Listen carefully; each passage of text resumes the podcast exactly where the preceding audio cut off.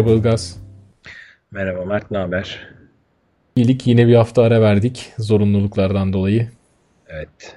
Podcast eğer bir kişi tarafından host ediliyor olsa böyle sorunlar olmayacak ama iki kişi olunca işte ikisinin de bu işi yapabilir durumda olması her zaman mümkün olmuyor. Bazen sıkıntılar oluyor. Demek ki çok böyle her hafta yapacağız diye söz vermemek gerekiyormuş. Ne demek bu şimdi ayrılık canları mı yani kendim mi yapacağım podcast? Yok hayır hayır. Sadece şey bu e, her hafta yapamamanın sıkıntısını legalleştirmeye çalışıyorum sadece. Mert Derman solo albüm sinyalleri veriyor sayın dinleyiciler. Yok canım sensiz bu podcast'in bir anlamı yok. Çok romantiksiniz. Ee, ne yapıyorsun? Nasıl gidiyor antrenmanlar, koşular? Neler? Antrenmanlar, koşular. İyi gidiyor. Gidecek inşallah.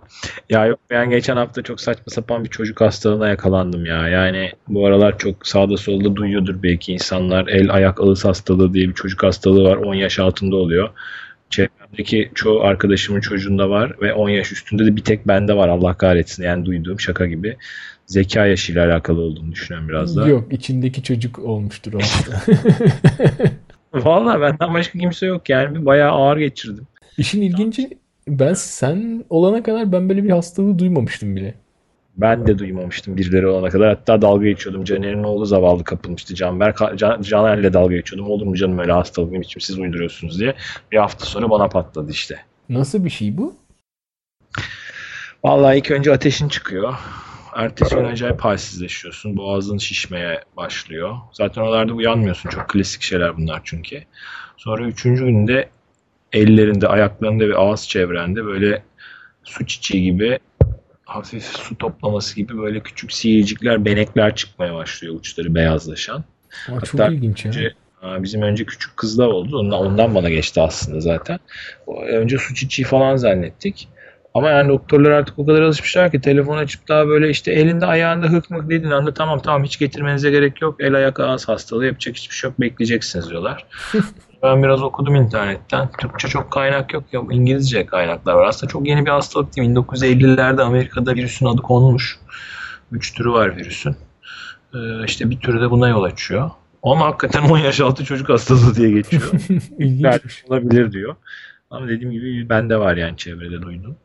Ondan sonra işte bunu kaşınmıyor ama bunlar yani su çiçeği gibi. Fakat bu incedir yani ayakların altı, ellerinin içi, işte ağız çevresi, burun çevresi falan acayip hassaslaşıyor. Yani böyle bir şey tutamaz olmuştum ben o gün ama bir gün sürüyor mesela bu hassasiyet. Hmm.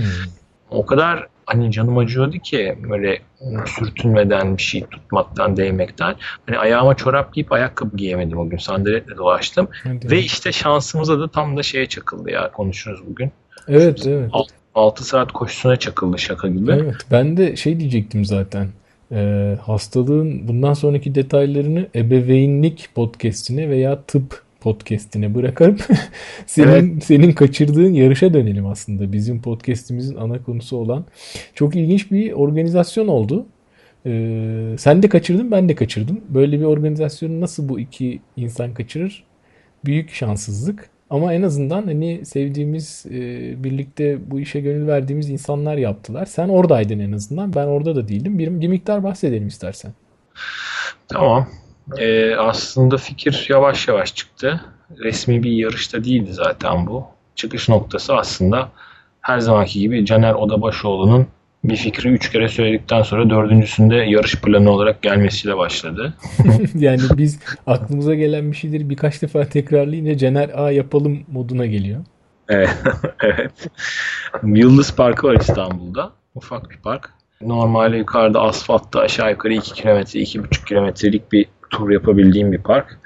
Ama aslında bir vadiye yayılmış bir park. Yani Barbaros Bulvarı'ndan Yıldız'dan Boğaz sularına kadar inen bir park.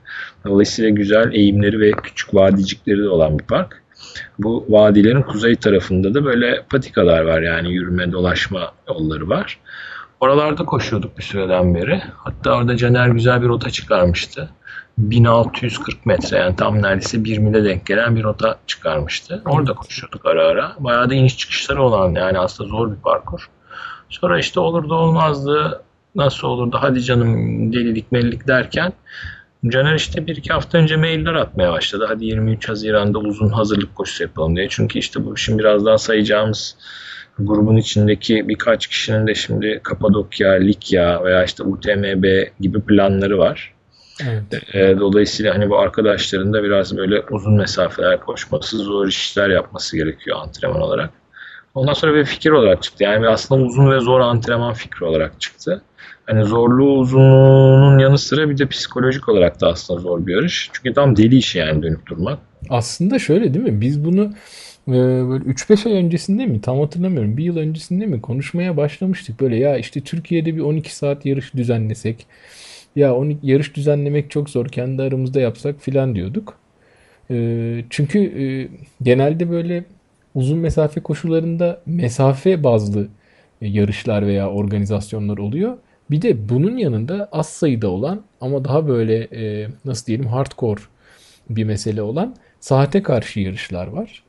E, bunlar e, senin de az önce söylediğin gibi böyle küçük bir parkurda genelde 1-2 kilometre civarında hatta bazen 400 metrelik e, pistte bile yapılabiliyor.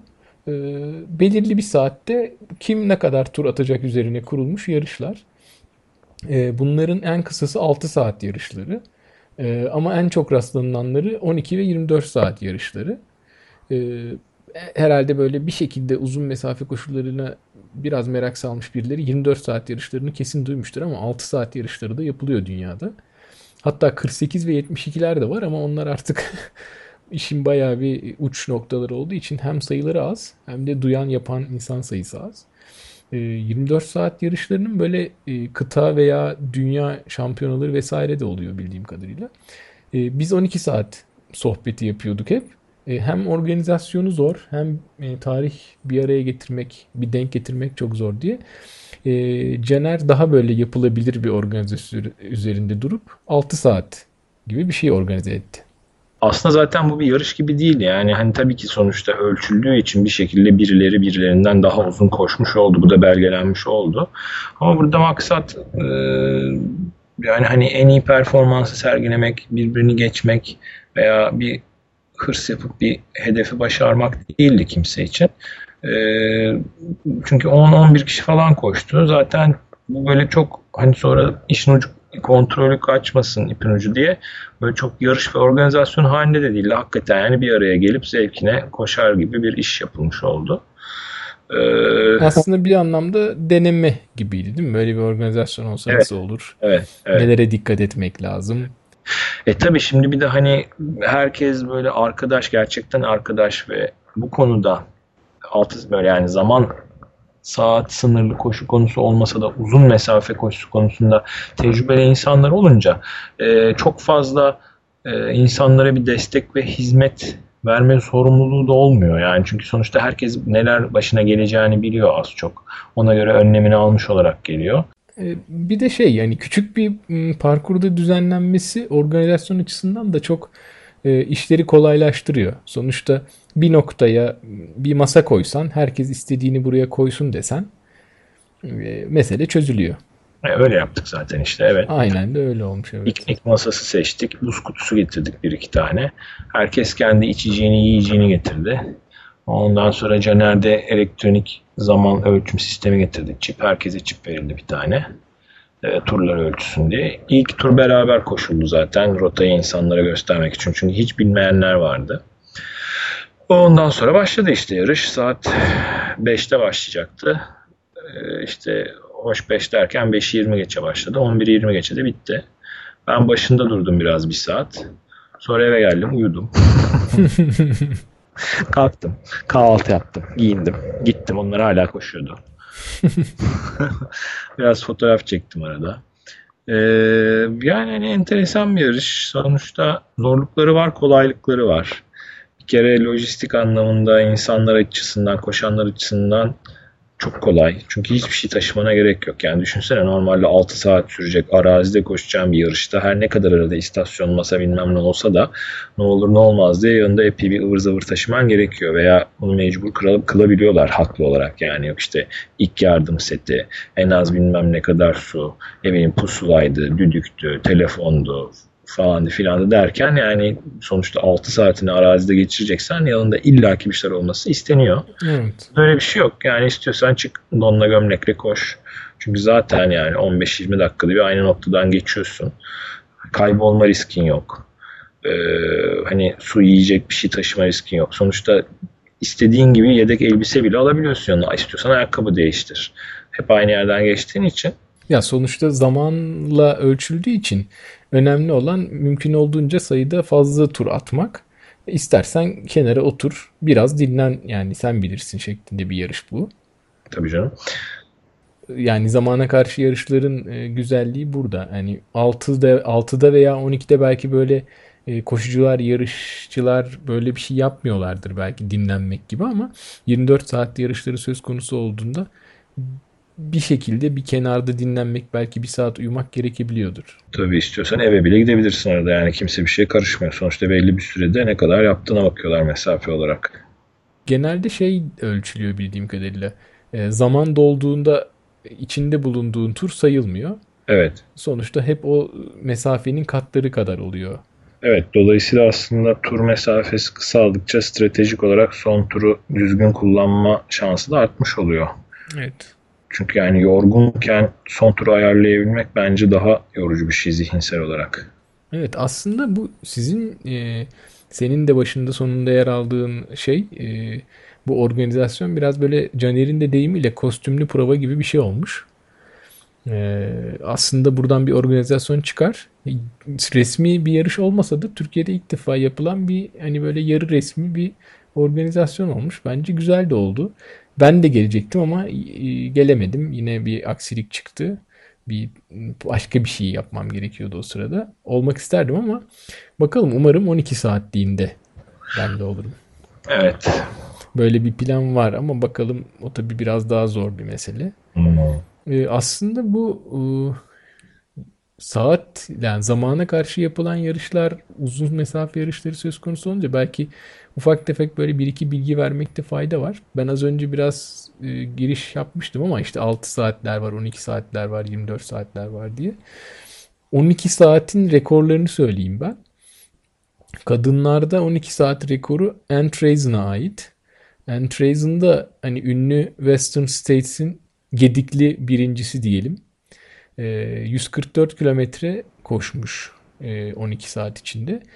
Erkeklerde de rekor Yannis Kouros'a ait.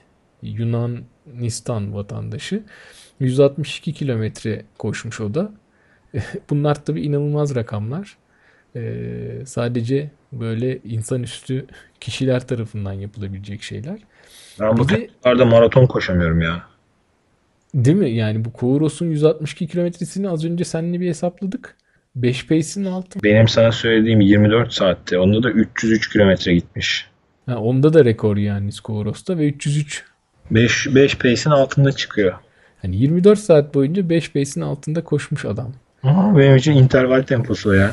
Evet yani çok acayip. Ben yani bana inanılır gibi gelmiyor yani. Hani resmi bir şekilde 1997 senesinde Avustralya'da bir ultra festivalinde koşmuş. Ama ben yine de inanamıyorum. Bütün hakem takımı sonraki sene çeşitli kazalarda ölmüş. Yani. Evet evet. Kadınlarda da 2009 senesinde Mami Kudo 254 kilometre koşmuş. Yani bu bunlar çok acayip rakamlar. Türkiye'de çok yapılmıyor ama Türklerden böyle bu bu tip yarışlara katılanlar olduğunu biliyoruz. Evet. Mesela benim internetten tanışıp yazıştığım Şükrü abi vardı Şükrü Meriç. Onun böyle bir 24 saat güzel rakamları var. Ee, Bakiye Duran'ın katıldığı yarışlar var. Mesela 24 saatte 167 kilometresi var Bakiye Duran'ın da. Evet çok iyi rakamlar. Pist, pist yarışı o da evet. Ee, bence pist yarışları daha yıpratıcı zaten ya düşünüyorum da. 400 metrede yapılıyor değil mi? Evet.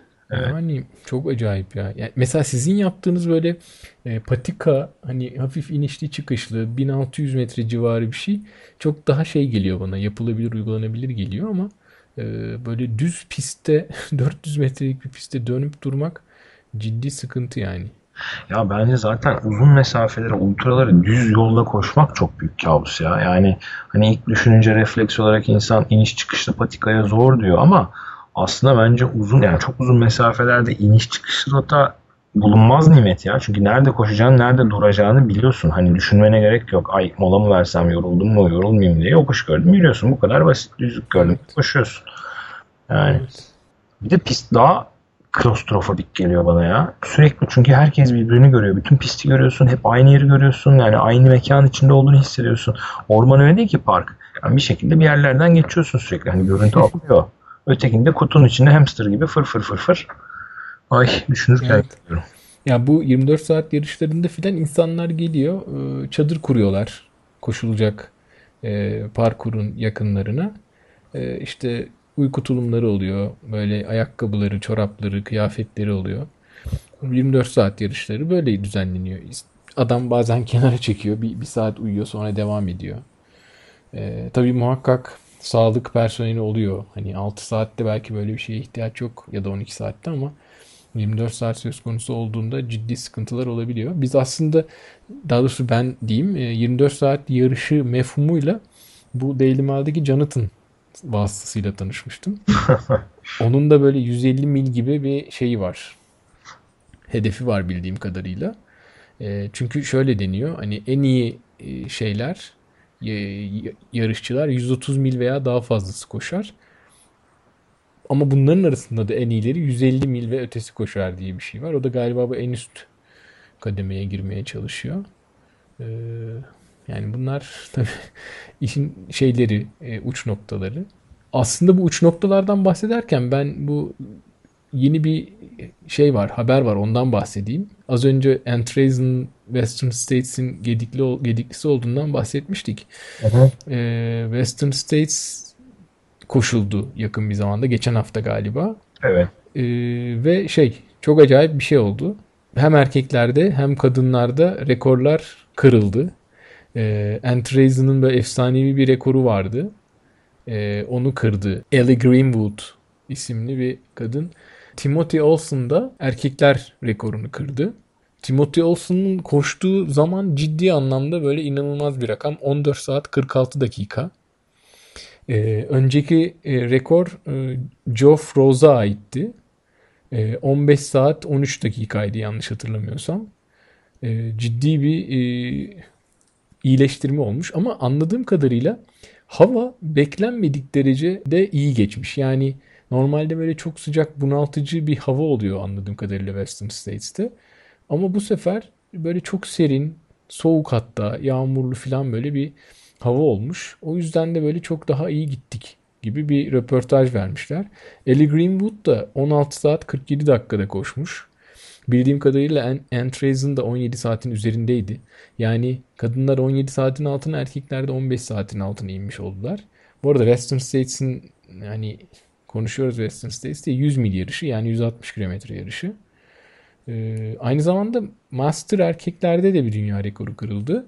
Dave Mackey diye birisi 15 saat 53 dakikada koştu. O da yine Western States'in rekoru. Ee, dolayısıyla böyle çok çarpıcı bir hafta oldu Western States'te. Ee, özellikle Antrazen'ın böyle kırılamaz, mümkün değil den, denen rekorunun kırılması böyle ultra dünyasında ciddi bir infial yarattı. Bayağı bir konuşuldu bu hafta. Evet. Ki yani Western States aslında içerik olarak da en kırıcı parkurlardan biri olarak kabul ediliyor. Western States'in şeyi çok ilginç aslında parkuru. Ee, yüksekten başlayıp alçakta biten bir parkur. Yani böyle yüksek bir dağda başlayıp alçakta bitiyor. Ama şey arada ciddi çıkışlar ve inişler çok fazla. Yani normalde parkurun eğimi hep aşağıymış gibi görünse de inanılmaz e, dik eğimlerde tırmanışlar içeriyor bildiğim kadarıyla. Dolayısıyla dediğin gibi çok böyle kırıcı bir yarış. Hatta bununla ilgili bir film de yapıldı değil mi? 2010 senesiydi galiba. İşte Geoff Rose'un birinci olduğu parkur rekoru kırdığı.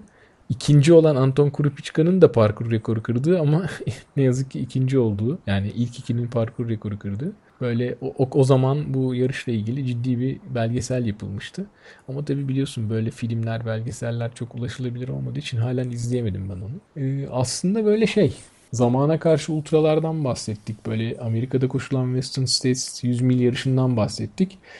Ülkede de ciddi ultramaratonlar olmaya başladı biliyorsun. Hep konuşuyoruz burada podcast'te. İznik zaten Cener'in organizasyonunu yaptığı yarış. Daha önce Likya yolu ultramaratonunu konuşmuştuk. Çok yakında da e, Runfire Kapadokya ultramaratonu koşulacak. E, istersen biraz ondan bahsedelim. Çünkü büyük bir terslik olmazsa ki 2012 senesinde çok yaşadım bunları. E, büyük bir terslik olmazsa ben de kayıtlıyım. 7 Temmuz 15 Temmuz arası Kapadokya'da olacağım. Evet podcast'imizi temsil et orada Mert. Podcast'i temsilen orada olacağım. Ben gelemiyorum sana. Belki sen de bir Likya koşarsın. Argos'un düzenlediği bu iki ultramaratona da katılmış oluruz. Evet sen istersen biraz e, Kapadokya'dan bahset. Daha doğrusu Kapadokya'nın bence içeriğinden değil onu hani döndükten sonra daha net konuşuyor oluruz da hani ne gibi zorlukları var, neler bekliyor, ne farkı var ve nelere evet. dikkat ediyorsun. Çünkü sonuçta hani gene arkadaş çevresinde bir iki haftadan beri çok sıkı yazışmalar dönüyor. Yiyecektir, tulumdur, elbisedir, çantadır, giyecektir diye değil mi? Evet çünkü aslında şöyle başlayalım. Hmm, Runfire Kapadokya'da Likya Ultra, Likya yolu ultramaratonu gibi multi stage dediğimiz ultramaratonlardan. Yani böyle 5-6 gün sürüyor ve her gün belli bir parkuru var. Dolayısıyla her gün bir yarış koşuyorsun. Bu yarışın zamanlarının toplamıyla elde ettiğin bir genel e, yarış zamanı oluyor. Bunları multi stage, çok etaplı ultramaratonlar deniyor. E, Türkiye'de bunu iki organizasyon yapıyor. İşte Likya yolu ultramaratonu ve Runfire Kapadokya. E, Runfire ilk defa yapılacak. Ben de işte bu ilk yarışta olacağım. Hem e, çok etaplı bir ultramaraton hem de kendine yeterlilik kuralıyla koşulan bir yarış bu. Ne demek kendine yeterlilik? Yarışın başında bir çantan var. Bu çantanın içine yarış boyunca tüketeceğin tüm e, yiyecekleri ve hani ihtiyacın olacak tüm malzemeyi koyman ve sürekli yanında taşıman gerekiyor. Bu bizim bildiğimiz ultramaratonlardan biraz hani e, tek etaplı ultramaratonlardan biraz farklı bir taraf. Organizasyon sadece e, her etapın sonunda gecelemek için bir kamp alanı sunuyor ve o kamp alanında sağladığı hizmetler sadece bir çadır, e, yemek yapabilmek için sıcak su ve içmek için soğuk su. Ya uyku tulumunu bile taşıyorsun aslında değil mi çadır evet. Şey. Uyku tulumu, eğer konfor istiyorsan mat, e, bunları taşımak zorundasın. E, dolayısıyla aslında böyle çok etaplı ve kendine yeterli ultramaraton denince akla bir anda malzeme çılgınlığı geliyor. Çünkü malzemelerin çok hafif olması gerekiyor. Hem malzemelerin hem yiyeceğin çok hafif olması gerekiyor. Yani seni konforunu sağlayabilecek kalitede malzemeler aynı zamanda hafif malzemeler. E, yiyecek anlamında da yüksek kalorili, doyurucu ama hafif yiyecekler bulman gerekiyor. O yüzden işte bu tip yarışlardan önce hazırlığın büyük bir kısmını bu malzeme arayışı e, alıyor. Özellikle de ilk defa katılanlar veya ilk bir iki defadır katılanlar. E, biz de senin bahsettiğin gibi arkadaşlarla sürekli bunları yazışıyoruz. E, kendine yeterlilik meselesi çünkü şöyle bir şey var. Eğer malzemeleri az alırsan çok uzun bir yarış olduğu için sıkıntı çekeceksin. Malzemeleri çok alırsan da bu sefer ağır bir çantayla çok uzun kilometreler koşmak çok yorucu olacak. E, ciddi bir e, optimum nokta bulma arayışı var herkeste. Optimum nokta arayışını ben açıklayayım sevgili dinleyiciler. O da şu herkes birbirine bütün gün şöyle mailler atıyor. Benim çantamın kenarı 38 gram daha hafif. Ben şey alsam o 5 gram öteki 6 gram ama kalorisi bilmem kaç yüz kalori. Onu mu alsam 2 gram için şunu mu alsam böyle mailler dönüyor bütün gün. evet yani insanlar böyle bir listeler yapıyor işte şu kadar kalori şu kadar gram kalorisi bu kadar gram işte kalori bölü gramı yüksek olan yiyecekler seçilmeye çalışılıyor vesaire. Çünkü bir anlamda da yarışında kuralları var. Ee, mesela şöyle bir kural var. Diyor ki yarışın herhangi bir anında kalan her gün için minimum 2000 kalori yiyecek bulunması gerekiyor yanında. Ee, aslında bunu söylemişken zorunlu malzemeleri de söylemek lazım. Bir sırt çantası, kalan her gün için minimum 2000 kalori yemek, işte pusula, GPS, e, alüminyum battaniye, yani acil durum battaniyesi, işte e, yedek pili olan el veya kafe feneri, düdük, çakmak gibi böyle acil durumlarda kullanacak eşyalar var. Zorunlu bunlar. Ama tabii zorunluların yanında ciddi anlamda da gerekliler var. Acil bir durumda çakmağı çakarak düdüğü öttürerek koşuyor musun? evet evet. yani e, son dönemde bunlara kafayı takmış durumdayız. E, bu çok etaplı ultramaratonlarda bir de şöyle bir durum var. Her gün ciddi miktarda kilometre kat etmek gerekiyor. Runfire'ın özelliği de şu. Temmuz ayında sıcakta koşulacak ve böyle bir kısmı böyle Tuz Gölü'nde veya böyle çöl benzeri noktalarda olacağı için ciddi zorlayıcı bir yarış olacağı düşünülüyor. Ama Likya'da da olduğu gibi, Likya yolu ultramaratonunda da olduğu gibi parkurlar hakkında, mesafeler hakkında şu anda hiçbir bilgi yok. Yarış zamanında bunlar koşuculara veriliyor. Dolayısıyla şu anda her gün ne kadar koşacağımız gibi bir bilgi yok elimizde. Ama hani bu tip yarışlarda da olduğu gibi her zaman burada da işte hani standart mesafeler oluyor. İşte bir gün çok uzun bir e, etap oluyor. O uzun etapın ne kadar olacağı konusunda söylentiler var. Açıklanmadı ama 80-85 kilometre olduğu söyleniyor. Yani hazırlıklarımız bu yönde. 7 e, Temmuz'da Kapadokya'da olacak tüm yarışçılar. 9 Temmuz'da da yarış başlayacak. 6 gün sürecek yarış. Bir tane gece etabı oluyor genelde bu tip e, çok etaplı yarışlarda. E, o gece etabı da uzun güne denk geliyor. Organizasyon ana kamp dışında da her 10 kilometrede bir parkur boyunca e, kontrol noktaları kurup oralarda da su sağlıyor. Yani taşımak zorunda olmadığımız tek şey su. Aslında en çok ihtiyacımız olan şey de o. Taşımak zorunda olsaydık ciddi miktarda su taşımamız gerekecekti. Çünkü e, ciddi sıcak altında, güneş altında koşulacak bir yarış. Özellikle e, yarışın sitesinde öneriler kısmı var. Orada bunların altı çok önemli çizilmiş. Sıcak hakkında, güneş hakkında, e, işte şapka, güneş gözlüğü, güneş kremi gibi şeylerin çok önemli olduğu, olmazsa olmazlar olduğunun altı çizilmiş. Böyle hazırlıklar yapıyoruz. Aldın mı güneş kremi Mert? bir tek o kaldı. Tamam onu da aldım mı hazırdısındır demek Evet evet. Ya aslında şey e, şöyle bir sıkıntı var. Ben e, bu yarışa katılmaya biraz geç karar verdim. E, bu sene oldukça sıkıntılı geçtiği için birçok yarıştan son anda katılamama kararıyla uzak kaldım. Dolayısıyla dedim ki olmuşken e, ciddisi büyüğü olsun. Son anda bir karar verdim. Kayıtların bitmesine bir gün kalaydı galiba. Kayıt ücretini yatırdım. Dolayısıyla şey çok fazla hazırlanamadım aslında bu yarışa. E, ama daha önce de konuşmuştuk ya bu tip böyle uzun yarışlar, dayanıklılık e, etkinlikleri çok böyle insanın hiçbir zaman kendini hazır hissedemeyeceği yarışlar. Evet hazırlandım buna çok iyi hazırlandım. Şu şu şu şu antrenmanları da yapabildiğime göre bu yarışa artık hazırım diyebileceğin bir türde yarış değil bunlar. Daha önce de konuşmuştuk seninle. Ee, biraz böyle hani uzun dönemli böyle bir altyapı oluşturma gerekiyor. Hani oluştu mu benim için çok da emin değilim. Oluşmamış da olabilir. Ağırlıklı hiç koşmamıştım. Yeni yeni başlıyorum. İşte çantaya çantayı sırtıma takıp ağırlık koyup bir miktar çalışmalar yapıyorum. Hani hem alışmak anlamında hem de vücudun eğer böyle bir zayıf noktası varsa onu bilmek anlamında. Ee, yavaş yavaş o tip antrenmanlara da başladım. Yavaş yavaş derken aslında bir hafta kaldı. Ya geçenlerde aslında bu da söz konusu oldu biliyorsun aramızda yazışırken.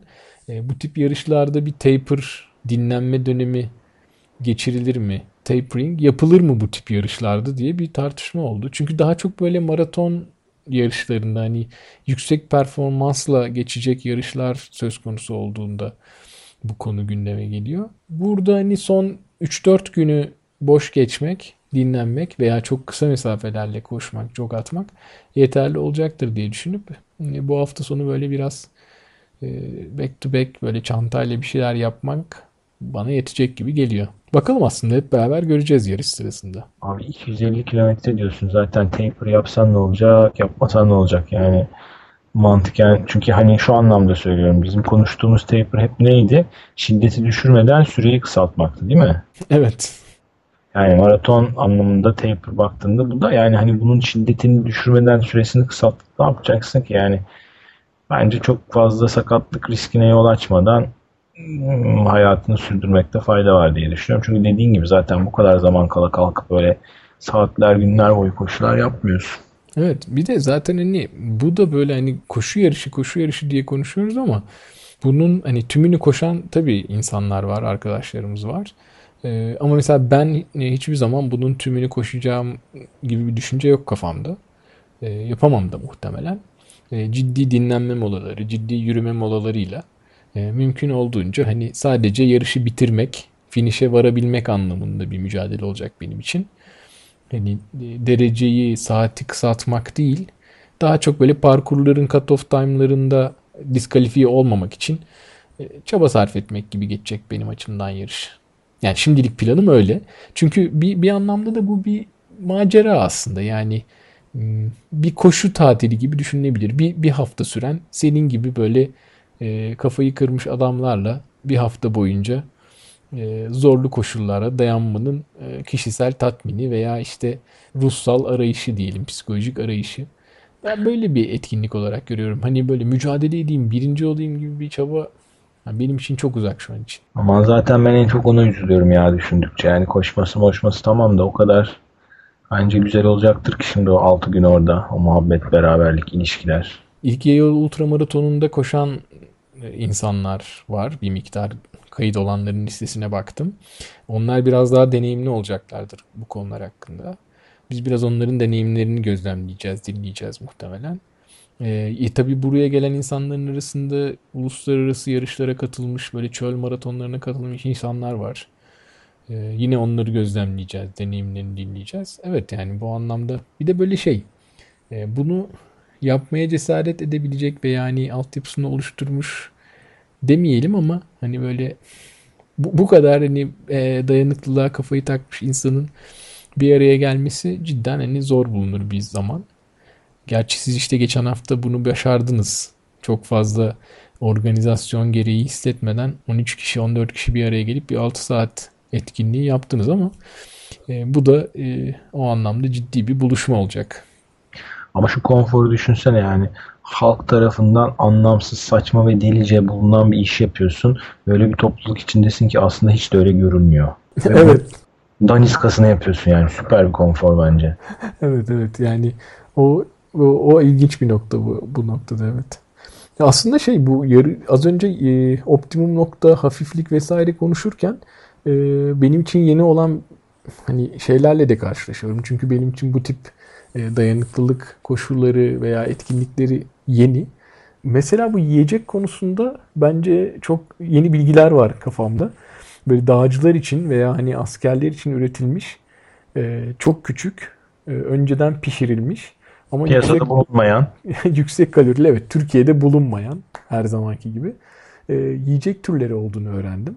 Caner sayesinde sağ olsun. Bunları tabii hani e, biraz geç kaldığım için yarışa kayıt konusunda bunları edinemiyorum ama şimdi onun yerine başka alternatifler bulma çabası geliyor. Yani hafif olacak, yüksek kalorili olacak ve doyuru olacak, olacak şeyler.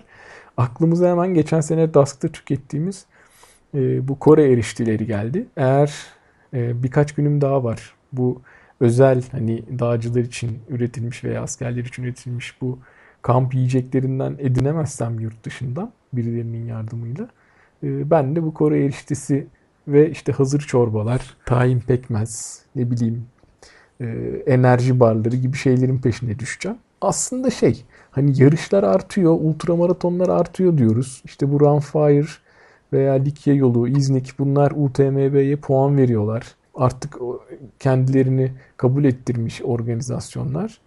Hatta bu Runfire Uluslararası Ultramaraton Birliği'nin de e, bronz etiketini almış bir yarış. E, yani Türkiye'de bu işi yapmak isteyen insanların sayısı artıyor ama bu bahsettiğimiz malzemelere e, ve yiyeceklere, yiyecek desteklerine ulaşmak Türkiye'de hala zor hatta imkansız. Yani biliyorsun hani ultramaratona gerek yok. Yarım maraton, maraton koşan insanlar da jel ihtiyacında oluyorlar veya hani protein barları, enerji barları. Türkiye'de bunlara ulaşmak çok zor, imkansız. Hep yurt dışından getirmemiz gerekiyor. O da böyle arada kazara bir marka bir jel falan getirecek oluyor. Enerji barı getirecek oluyor. Böyle şehir efsanesi olarak herkesten birbirine haber gidiyor. Aa şuraya jel gelmiş çok güzelmiş şöyleymiş diye zırt bitiyor iki haftada falan jeller yani. Evet evet. İnternetten de getiremiyorsun. Ama yani şimdi buna paralel ilerlemiyor ama ben bunun arkasından seri bir şekilde e, eğer bu işi yapan insan sayısı artarsa onların da olacağını umut ediyorum. Orada da şöyle bir sıkıntı oluyor. Yani mesela burada diyelim ki ünlü jel markalarından birinin ikisinin bayisi, distribütörü oluştu. Ama yine böyle vergilerle vesairelerle hani yurt dışından da geliyor gümrüğüydü şuydu buydu. Hani yurt dışında böyle 1 dolara 1,5 dolara alacağın şeyler burada olacak sana 5 lira 6 lira. Evet. Yani böyle koşarken 5 saniyede ağzına sıktığın üstüne su içtiğin bir şey ciddi miktarda bir paraya neden olacak yani. Kıtlama jel değil mi? Böyle daha yavaş yavaş tadına vara vara yiyeceksin. Evet mesela var ya böyle jelibon gibi çiğneme jelleri onlar bizim ülkemizde daha çok tüketilir. Yavaş tükeniyor diye. evet. Ee, şey vardı Discovery Channel'da galiba Afrika'yı kuzeyinden güneyine motosikletle gidiyorlardı. Bir belgesel vardı. Hatta iki tane adamdan biri Ivan McGregor'du. Evet. Orada ekip yanlarında taze et olsun diye keçi taşıyorlardı. Böyle be be keçi vardı cipin arkasında. Arada akşam durdukça jort diye bir tane kesip yiyorlardı. Oy çok kötüymüş be. Keçiyle gidebilirsiniz Likya'ya siz de. Bir sorsanıza bakalım bir şey diyorlar mı yanımızda hayvan getirsek diye. Ya şöyle hani keçiyle birlikte gidelim de ben en fazla sütünü sağıp içerim falan yani. Evet en zayıfınızı yersiniz ya da. evet yani e, aslında bu yiyecek konusunun sıkıntısı veya malzeme optimizasyonu vesaire konuşurken hep şu geliyor aklıma. Bu konu biraz böyle adaletsizliğe neden oluyor mu diye düşünüyorum bazen ultramaratonlarda veya başka etkinliklerde. Yani çünkü şöyle herkes böyle e, ulaşabileceği noktalarda veya karşılayabileceği ücretlerle bir şeyler almak zorunda. Diyelim böyle X bir yerde yaşıyorsun. Hani hiç tanıdığın yok yurt dışından gelen. Sponsorun yok, paran yok. E böyle bir yarışa katılacaksın. İşte bazlamayla, peynirle katılacaksın. Ama öteki adam çok daha yüksek kalorili ama çok hafif şeyle katılacak. Hani sadece yiyecek de değil. E, çantasından ayakkabısına ne bileyim böyle güneş gözlüğünden şapkasına çok böyle adaletsizlik yaratabilecek düzeyde geniş bir yelpazede malzeme seçeneği var. Yani mesela senin diyelim çok güzel bir yağmurluğun var. Elma kadar oluyor 100 gram. E, ama işte öbür adam X yağmurluğuyla geliyor. 550, 550 gram karpuz kadar bile küçülmüyor. Yani hani baktığın zaman hep benim aklıma şu geliyor. Bu tip organizasyonlarda acaba böyle organizasyon mu verse malzemeleri? Hep böyle düşünür. Mesela çantayı hazırlayıp verse. Herkes de aynı malzemeler, aynı yiyecek içecek. Tabii biraz da bu işin kişiselliği. Hani herkes aynı yiyeceği tüketemez gibi bir konuya takılır o da. Sen ne düşünüyorsun bu konuda merak ediyorum. Yani bu tabii aslında çok Türkiye'ye özgü bir sıkıntı anlattığın şey. Yurt dışında da var düşününce aynı şeyler de yani öyle bir dert yok ki orada. Yani birincisi alternatifin çok fazla. İkincisi alım gücüne göre fiyatlar çok daha düşük buraya göre düşündüğün zaman. Doğru aslında. Benim dediğim biraz Türkiye'ye övgü oluyor. Hem ulaşmak anlamında hem fiyatlar anlamında. Yurt dışında çok uygun fiyatları, çok güzel malzemeler edinebiliyor insanlar ve hemen ellerinin altında. Bir de alternatifin çok yani hani bırak yiyecekti bilmem neydi. Şimdi al işte İznik öncesinde çanta mantı araştırmaya başladı. Dask için uyku tulumu araştırmaya başladı. Yani 10 tane uyku tulumu var mı alternatif bulabildiğin? Yok. 5 evet, tane bile zor çıkıyor. 5 bile zor yani. 2 tane alternatif çıkıyor. O da mesela arıyorsun distribütörü diyor ki 15 gün sonra getiririm filan. Hani e, ciddi sıkıntı var o konuda. Ne diyelim hani e, bu yarışlar, organizasyonlar artıyor, kaliteleniyor. Ee, umarız hani bunların böyle desteği, lojistiği de bir anlamda Türkiye'de güçlenir. Evet ben geçen gün kara kara şeyi düşünüyordum yani böyle denk getirip yurt dışı seyahati falan olursa aslında tarihlerine marihlerine bakıp böyle şeylere yiyecek olsun, malzeme olsun falan oradaki okazyonlardan yararlanıp indirimler falan yakalayıp stoklamak lazım. Evet evet kesinlikle. Yarışın hani böyle önden hazırlık heyecanı, hazırlık e, konuları bunlar. Umarım hani bir şekilde çok fazla bir sıkıntı olmadan yarışa katılabilirim. Sıkıntı olmadan e, bitiririm. Bitirdikten sonra çok daha detaylı konuşuruz. Belki bir bölüm bile yetmez. Yarışın olayı zaten sıkıntı. Ne demek sıkıntı olmadan bitirebilirim? yani o sıkıntının dışında başka bir sıkıntı olmaz da. Yani ben bitiremesem bile yakın arkadaşlarımızdan bitirenler olacaktır. Olmazsa onlardan dinleriz ama e, en azından hani e, orada olacak, orada olacağım. Oradaki e, organizasyonu ve etkinliği bir miktar yakından takip etmek imkanım olacak. E, olursa böyle gün be gün hani henüz onun tam şeyini bulamadık ama yöntemini gün be gün e, sana geri bildirimlerde bulunup bunu paylaşman için belki bir yöntem araştıracağız. Olmazsa hani yarış sonrasında mutlaka bir bölüm olmadı yetmedi iki bölüm ee, bu e, çok etaplı ve kendine yeterlilik içeren ultramaratonu detaylarıyla ilgililerine meraklarını aktarırız. E sen bana SMS at akşam oradan. İyi geçti işte yorulduk taşlıydı falan filan. Ben ondan 10 sayfa rapor yazarım zaten. Evet aslında bu yöntemi bir şekilde belirleyip yazarız yani. SMS'ten rapor çıkarma yöntemi. Bakalım gelecek hafta hazırlığı daha da netleştirmiş, böyle yakınlaşmış olarak belki bir miktar daha konuşuruz ama bu haftaki süremizde doldurmuş olduk. Bir saniye sen ne zaman yola çıkıyorsun haftaya? Ee, cumartesi sabah. Yani bu cumartesiniz yok haftaya. Yok, haftaya cumartesi sabah. Aa, iyi bir hafta daha çıkarız ondan sonra yine bir hafta Necefli Maşraf'a. Evet aynen öyle. Sen tek başına belki böyle bir hani solo albüm yapmak istersin ama. Var senin hakkında bayağı konuşurum ileri geri. Değil mi? Şimdi ne yapıyordur diye. Aldı malzemelerimi gitti. Peki. Tamam o, o zaman. Bu haftalıkta herkese iyi antrenmanlar iyi dileyelim. antrenmanlar. Görüşmek Görüş üzere. Görüşmek üzere.